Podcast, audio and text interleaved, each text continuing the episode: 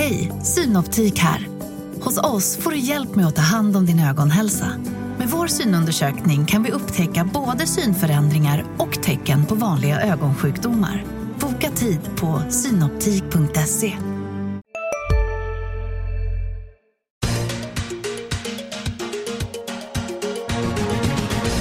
Hej och välkommen till Makrorådet, Dagens Industris podd om de stora ekonomiska frågorna. Jag heter Viktor Munkhammar och gäster idag är Anna Breman, analytiker på Swedbank och Per Magnusson, ansvarig för Skandinavien på Royal Bank of Scotland. Välkomna ni också. Tack. Idag ska vi bland annat prata om vad som händer nu i Grekland. Vi ska prata om när den amerikanska centralbanken vågar, vill, kan börja höja räntan. Men vi börjar på hemmaplan. Eh, regeringen meddelade ju att överskottsmålet ska avskaffas. Alltså det mål som säger att de offentliga finanserna inklusive pensionssystemet ska visa ett överskott på 1 av BNP över en konjunkturcykel. Eh, det här är något som många ekonomer har efterlyst länge och nu händer det alltså. Anna, vad tänker du om det här utspelet? Det var väntat. Det som var lite oväntat var hur snabbt de ska göra utredningen. Konjunkturinstitutet, Konjunkturinstitutet ska, ska utreda det hela. De ska vara klara redan i augusti och det tyder ju på att de kommer att eh, göra som förväntat. Det är, känslan är väl inte att det är en förutsättningslöst utredning, det är väl mer Nej. ett beställningsjobb? Eller? Beställningsjobb är ett stort ord men det är tydliga direktiv till ja, Konjunkturinstitutet. Ja. Är det bra eller dåligt?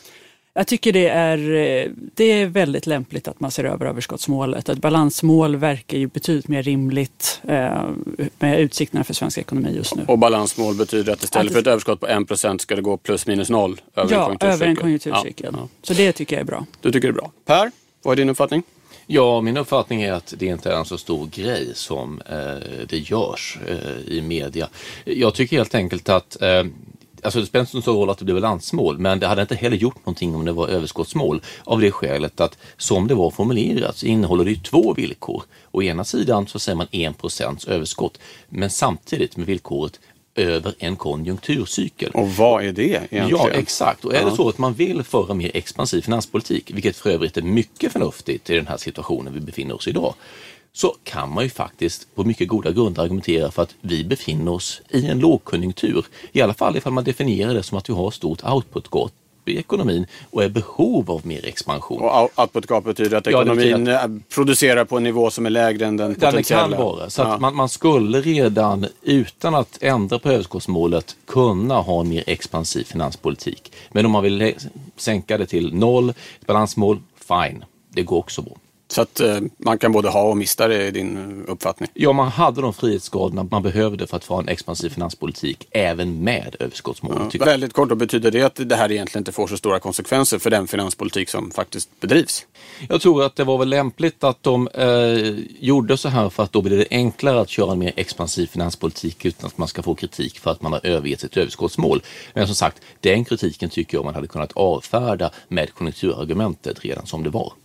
Anna, tror du att det blir några praktiska konsekvenser för Jag tror faktiskt att det blir politiken? en del praktiska konsekvenser. Ja. För jag tror att eh, det här överskottsmålet har ändå satt en gräns för reformutrymmet de senaste åren. Och nu när man kommer att se över det och eh, så kommer det öppna upp ett större reformutrymme. Så det kommer öppna upp möjligheter för mer finanspolitiska reformer. Och det tycker jag också är bra. Okej, okay, även om Magdalena Andersson, finansministern, var ju ganska tydlig med att på kort sikt så är det ändå krona för krona Precis, och stram finanspolitik. Ja. Men det som var intressant är ju att de ska se över det snabbt eh, ja. redan till augusti, ja. vilket gör att även kanske då till nästa års budget så kommer det öppna upp ett större reformutrymme. Eh, och output-gapet som tillåter ju en expansiv finanspolitik men det är ju väldigt svårmätt och det är ett teoretiskt begrepp. Så att jag tycker ändå att det här blir tydligare och eh, bättre riktlinjer för regeringen framöver. Och, tack för det. Annars, eh, den svenska ekonomin kom ju överraskande glada besked här nyligen. Det visade sig att tillväxten det fjärde kvartalet, i alla fall enligt den första uppskattningen från SCB, e var 2,7 procent i årstakt. Sen fick vi ett utfall för omsättningen i detaljhandeln i januari som visade att det var full fart i affärerna. Håller det på att lyfta nu äntligen? Jag tycker det här var väldigt positiva siffror. De var betydligt bättre än väntat. Eh, framförallt tycker jag det var positivt att eh, vi såg så pass eh, stora investeringar i bostäder. Det är bra mm. för svensk ekonomi på sikt. Konsumtionen var Och exporten god. bidrog med exporten lite också? Exporten bidrog lite, inte på helåret men på kvartalet. Ja. Så att, eh, jag tycker att eh, det var ett positivt tecken att det faktiskt ser lite bättre ut. Ja. Trots eh, svag utveckling i Europa. Per, vad säger du? Du är lite känd som en, en, en bäsare bland svenska ekonomer. Hur tolkar du den här siffran? Alltså jag, jag, jag tolkar den så här det var ju bra siffror, inget snack om saken. Men man ska också tillägga att det var ganska svåranalyserade siffror. Det är lite stökigt med BNP nu efter att man har gjort om eh, metodiken för hur man beräknar mm. BNP. Så det är lite klurigheter med investeringar, import av tjänster och så vidare. Men det var, det var en stark siffra. Däremot skulle jag påpeka en sak när det gäller exporten.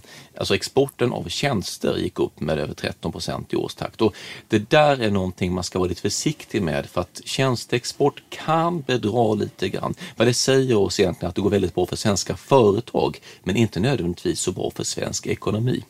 Så att det var bra siffror. Är det den här merchanting-faktorn du Mer tänker på? Det vill säga att det aldrig egentligen är verksamhet som är inne i Sverige? Bland annat ja. merchanting. Ja. Men en sak som jag tycker är viktigt att hålla för ögonen. Det var en bra tillväxtsiffra. Men tillväxttakten som vi hade, den är långt ifrån tillräckligt för att den ska föra oss tillbaka till ett stängt sånt här så kallat output-gap. Det är ett steg i rätt riktning, men vi skulle behöva många sådana här kvartal innan Sverige kom tillbaka på en nivå där man opererar eh, med fullt kapacitetsutnyttjande för ekonomin som helhet. Så att ett steg i rätt riktning men fortfarande väldigt många likadana steg kvar för att det skulle bli någon stramhet i svensk ekonomi. Okej, okay. men en liten ljuspunkt i alla fall eh, kan vi, kan vi säga. Det känns ju trevligt så här när våren eh, ska närma sig enligt kalendern i alla fall. Om det är lite ljuspunkter i den svenska ekonomin så ser det dystrare ut på andra håll. Grekland ett gammalt eh, orosmoln. Eh, det första steget eh, i den här nya krislösningen klarades av när det blev en överenskommelse med, med långivarna. Men nu är den stora frågan, hur ska Grekland klara av att betala tillbaka de förfall, alltså de lån som ska betalas tillbaka nu under tiden medan förhandlingarna pågår här. Per, vad tänker du om det här? Ja, det blir väldigt svårt. Eh, och någonting som jag tycker är eh, värt att notera när det gäller hela den här eh, Grexit-debatten, det är att det, det är påtagligt hur eh, både horisonten för krishantering har kortats och hur förväntningarna eh, löpande har sänkts. Det är ju naturligtvis så att marknaden andades ut när man fick den här eh, förlängningen på fyra månader av det gamla lånepaketet. Även om inte allt är klart ännu, för man är, bråkar ju fortfarande om vilka villkor som ska uppfyllas. Och vad man egentligen kommer överens om, verkar vara lite olika. Exakt, mm. men, men det här att man andas ut, eh, det handlar om en respit på fyra månader, om nu allt går väl den här gången. Men vad händer om fyra månader? Och vad händer fyra månader efter dess? Det är ju ingen som på allvar ser någon form av lösning, utan det här är att man rullar snöbollen framför sig. Och rullar man snöbollar framför sig så blir de bara större och större hela tiden. Så att det här är ett problem som fortfarande är olöst och man försöker i panik hitta någon, någon lappa och laga lösning tills vidare. På kort sikt så tror jag det kommer bli väldigt intressant ifall de väljer att helt enkelt ställa in betalningarna till IMF. Inget utvecklingsland har tidigare gjort det någonsin. Nej, IMF står ju först i kön alltid när de det gäller att få tillbaka prioritet. Och ja. Det här blir ganska intressant för att eh, många länder som inte är eh, europeiska är ju redan ganska irriterade inom IMF på att man har gett så att säga ett västeuropeiskt land en särbehandling jämfört med andra länder. Det finns många Fattigare länder som har Ja, det finns många brasilianare och indier och så vidare som undrar varför ska ni vara liksom så här generösa mot Grekland, varför ska de få lättnader? Varför ska de specialbehandlas? Vi är inte intresserade av, av, av detta. Så att det är en intressant konflikt. Men grekerna själva har sagt att de kommer prioritera att betala ut pensioner och löner före dem i, i pengar till IMF. Anna? Ja, och det är också intressant för vad som händer inom hela Eh, euroområdet. Menar, de senaste dagarna har det varit mycket skriverier om spänningar mellan Grekland och Spanien. Vi har ett val som kommer i Spanien eh, inom kort framtid. Vi har populistiskt parti där som också växer sig starka. Så vad ska man kunna de facto ge till Grekland i den här situationen utan att Spanien och andra länder som också har genomgått eh, åtstramningsprogram och haft det väldigt tufft de senaste året utan att de också ska kräva att få eftergifter. Så det här är ju, det är ju politiskt eh, sprängstoff helt enkelt. Men räknar du med att Grekland kommer kunna klara av de här återbetalningarna som är nu? Alltså det är, i, bara i mars är det betydande belopp. Man kommer lösa det på något sätt för att inte lösa det är för kostsamt på kort sikt. Eurozonen är fortfarande så sårbar, det finns fortfarande risker för spridningseffekter till andra euroländer. Politiska läget är alldeles för spänt så man måste på något sätt lösa det på kort sikt. Men precis som Per säger, man bara rullar problemen framför sig och till slut så kommer det bara ploppla upp igen på ytan. Okej, vi eh, sparkar burken ytterligare lite ner för gatan och så får vi återkomma när vi har kommit till kapten ungefär. Det, det är det, som, det är, det som är upplägget. Ja, Okej, då förflyttar vi oss över Atlanten. Eh, en herrans massa centralbanker har hållit på och sänkt räntor och lättat på penningpolitiken.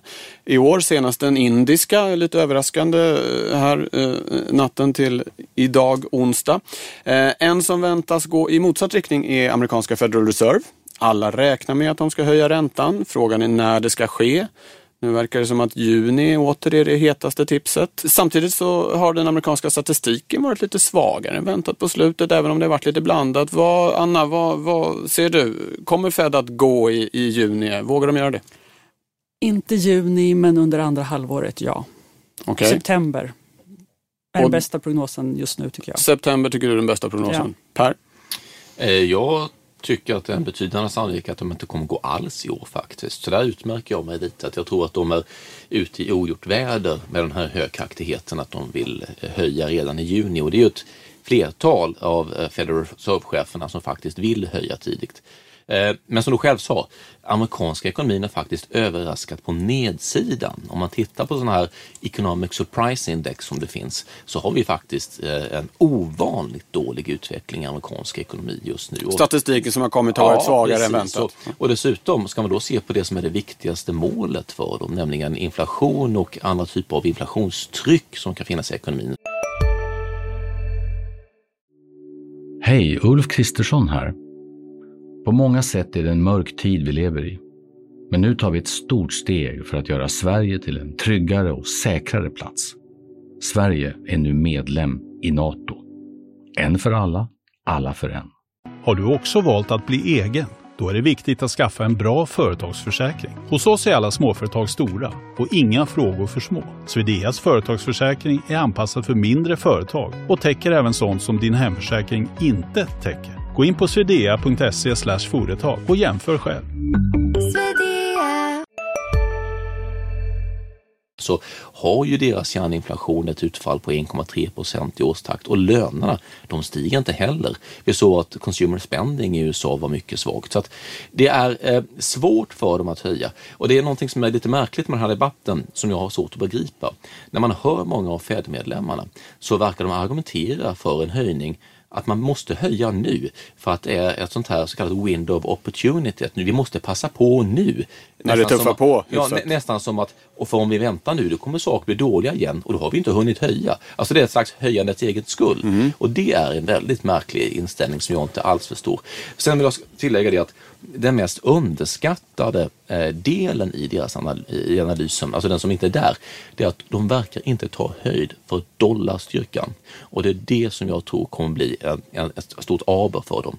För Fed kan inte ensamt i världen tala om att de ska höja räntan när resten av världens centralbanker försöker expandera sin penningpolitik. Dollarn har redan gått nästan 30 procent. Den kommer fortsätta på det sättet och det kommer förhindra deras högaktivitet. Vad tänker du om det Anna med dollarn just? Det är ett argument som en del pratar om ja, så samtidigt så har ju inte dollarn lika stor inflytande på exempelvis inflationen i USA som kronan har på inflationen i Sverige. Det är en ganska stängd ekonomi i USA jämfört med exempelvis Sverige. Det är relativt stängd ekonomi i jämförelse och om man tittar på amerikansk ekonomi, även om det har varit en del blandad data den senaste tiden, så har du ju sett exempelvis att investeringarna i näringslivet går uppåt. Du har sett en väldigt fin sysselsättningsstatistik och Federal Reserve de har ju både sysselsättningen och inflationen i sin målbild. Eh, och de har talat om att man vill normalisera, man ser även där risker med finansiell stabilitet. Eh, man har ändå haft nollränta under många, många år eh, i, inom euroområdet i Sen Sverige. december har, 2008 va? Ja, jag tror Senast det. de höjde var 2006. Ja, det, liksom så det är liksom en nästan. väldigt ja. lång period av låga räntor. Samtidigt så är ju självklart riskbilden är ju att de höjer senare än vad marknaden ändå prissätter just nu. Fed-ledamöterna har ju själva sagt att det är asymmetriska risker. Om man höjer för tidigt så riskerar man att knäcka konjunkturen. Om man väntar lite för länge och inflationen kanske skulle bli lite för hög, det är, relativt, det är enklare att hantera en lite för hög inflation än att... Så det är värre om det blir fel på att höja för tidigt-sidan än om det, det blir fel på vänta för länge-sidan? vänta lite längre. Men samtidigt så har de väldigt tydligt kommunicerat en vilja att normalisera den här ultralätta penningpolitiken som de har bedrivit sedan 2008. Och det i sig tycker jag talar för att de faktiskt kommer sakta börja höja räntan, men väldigt, väldigt sakta. Det är ju inte en normal höjningscykel den här gången, utan det är ju Små steg? Små steg och mycket långsammare än vad Federal Reserve hade gjort under en normal höjningscykel. Okej, okay, så Anna Breman, september, Per Magnusson, inte under 2015. Ja. Hörni, nu har vi kommit fram till eh, min favoritdel i makrorådet, nämligen det som kallas för spaningen. Eh, och då har ni tagit med er en fundering, någonting som lurar runt hörnet, som eh, går lite under radarn, som vi inte tänker tillräckligt mycket på, men som kan bli någonting som eh, gör att det hettar till på lite sikt. Det här tycker jag är väldigt spännande. Per, vad har du med dig för spaning idag? Jag har en spaning som faktiskt knyter an till mitt dollarresonemang som Aha. jag hade precis. Eh, det är nämligen så att den kinesiska valutan är eh, kopplad till den amerikanska eh, dollarn genom en, ja, man kan kalla det för en dirty float numera. Den är inte sådär benfast peggen, men de, de håller i alla fall en koppling. Och det är klart att när amerikanska dollarn har förstärkts på det sätt som den har gjort så har ju också den kinesiska valutan förstärkts på nästan motsvarande sätt. Och det betyder att just nu är faktiskt den kinesiska valutan starkare mätt som en korg mot resten av världens valutor än vad den någonsin har varit. Den är rekordstark mot yenen, den ligger nära rekordstark mot euron och den håller som sagt en ganska jämn nivå mot dollarn. Och Det här är ett problem för Kina, för Kina lider samtidigt av flera andra parallella problem. De har det väldigt jobbigt med att eh, hålla uppe konsumtionen på hemmaplan just nu. De har en inflationstakt som faller. Kärninflation i Kina är faktiskt bara på 1,2 procent och det har trendat ner på ungefär samma sätt. Som och producentpriserna, alltså företagens priser var väl ner ganska ordentligt ja, De har varit senast. negativa ja, under tre års tid faktiskt. Ja, och skälet till varför producentpriser är negativa hänger mycket samman med att kineserna valde att försöka överbrygga den stora krisen när den kom 2008-2009 genom jättelika investeringsprogram, vilket har skapat en överkapacitet i industrin och ekonomin.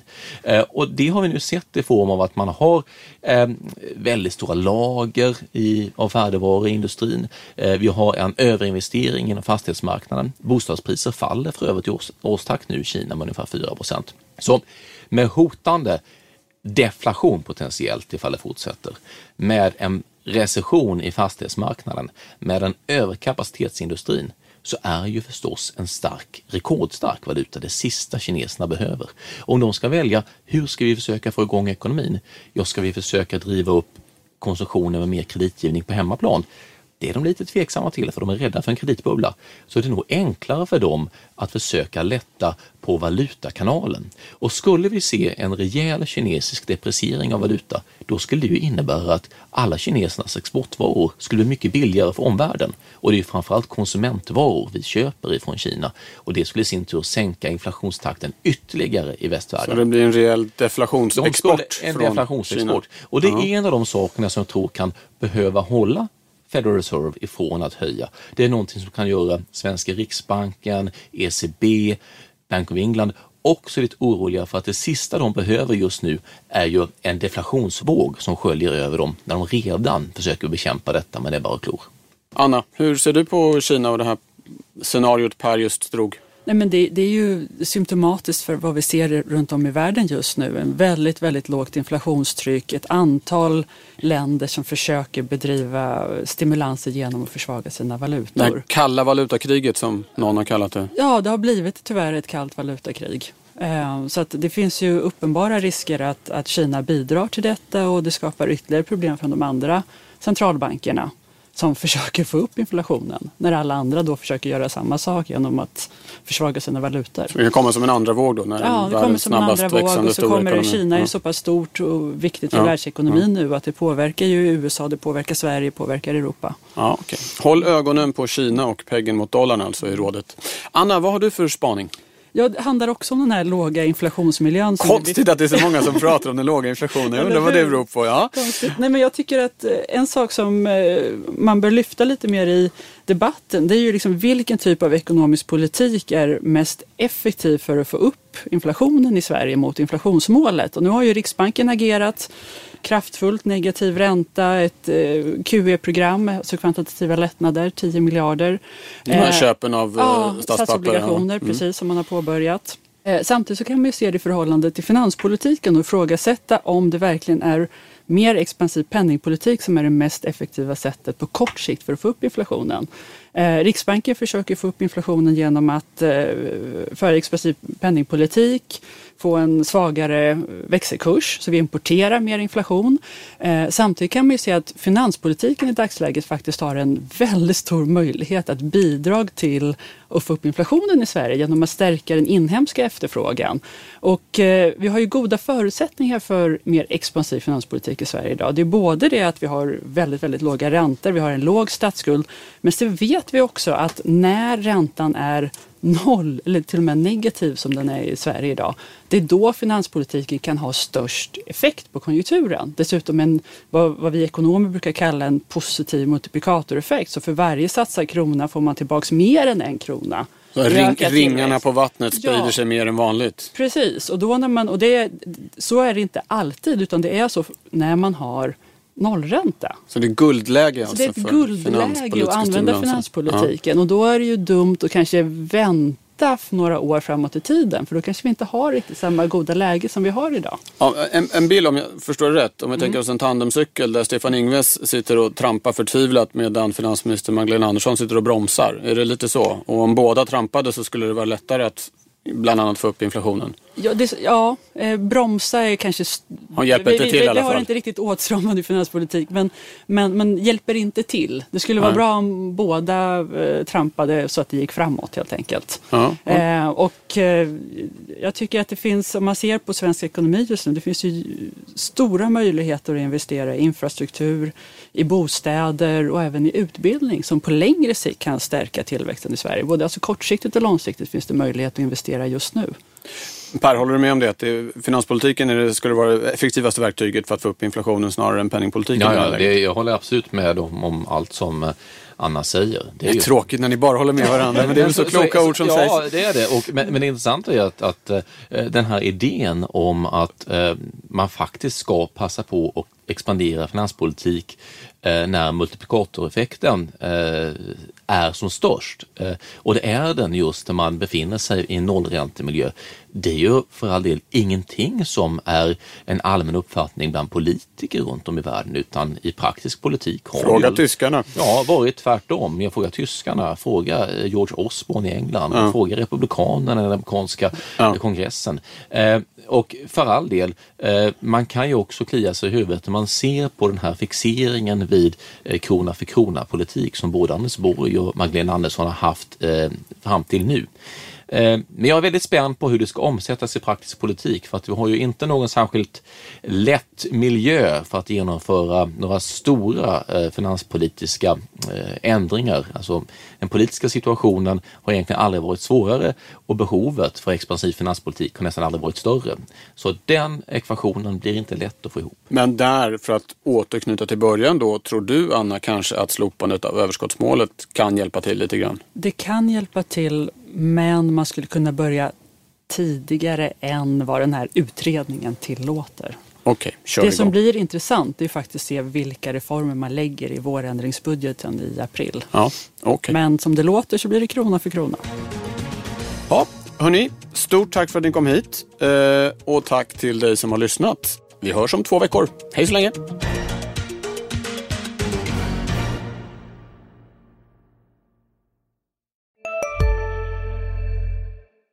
Hej, Susanne Axel här. När du gör som jag och listar dig på en av Krys vårdcentraler får du en fast läkarkontakt som kan din sjukdomshistoria.